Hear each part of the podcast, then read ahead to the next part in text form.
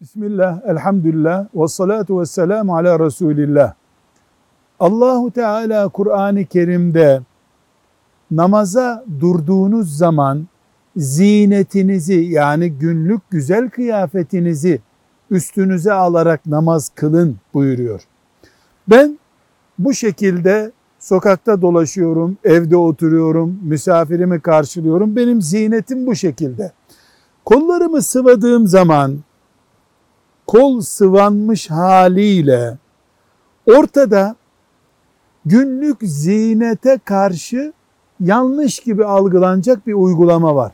Dolayısıyla Allah zinetinizle namaza durun buyurduğunda benim günlük şu kıyafetimi emrediyor.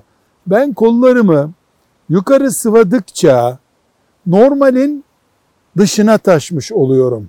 Binaenaleyh bu pozisyon namazın varlığına, kabul olmasına engel değil. Ama namaz edebine engel olduğu için mekruh denmiştir.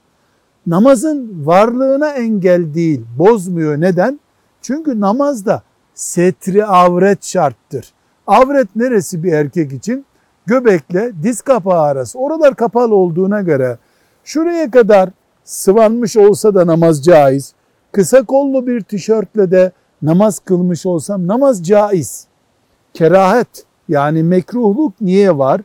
Çünkü bu pozisyon adab-ı muaşeret içerisinde normal karşılanmıyor. Namazda en iyi, en güzel kıyafetle yerine getirilsin istiyor Allah. Velhamdülillahi Rabbil Alemin.